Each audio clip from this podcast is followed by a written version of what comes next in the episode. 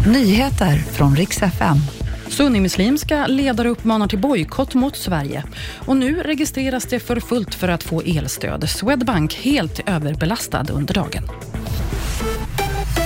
Vi ska börja i Tyskland. Flera personer har skadats på ett regionaltåg efter en knivattack. Sju personer har skadats och en person ska vara gripen på tåget som var på väg mot Hamburg.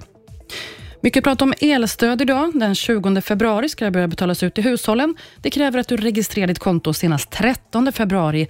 Dock har Swedbank uppgett att under dagen har sidan för att registrera sig varit helt överbelastad.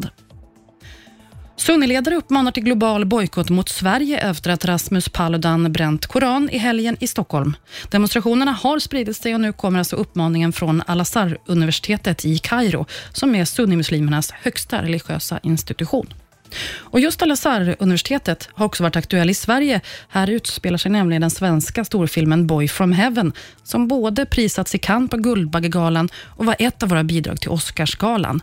Där blev det ingen nominering. Bättre gick det för Ruben Östlunds Triangle of Sadness. Han fick tre Oscarsnomineringar igår och beskriver det själv som en sockerchock. I mars så tävlar den filmen bland annat mot Elvis-filmen och nya Top Gun-filmen. Det var nyheterna. Jag heter Maria Granström.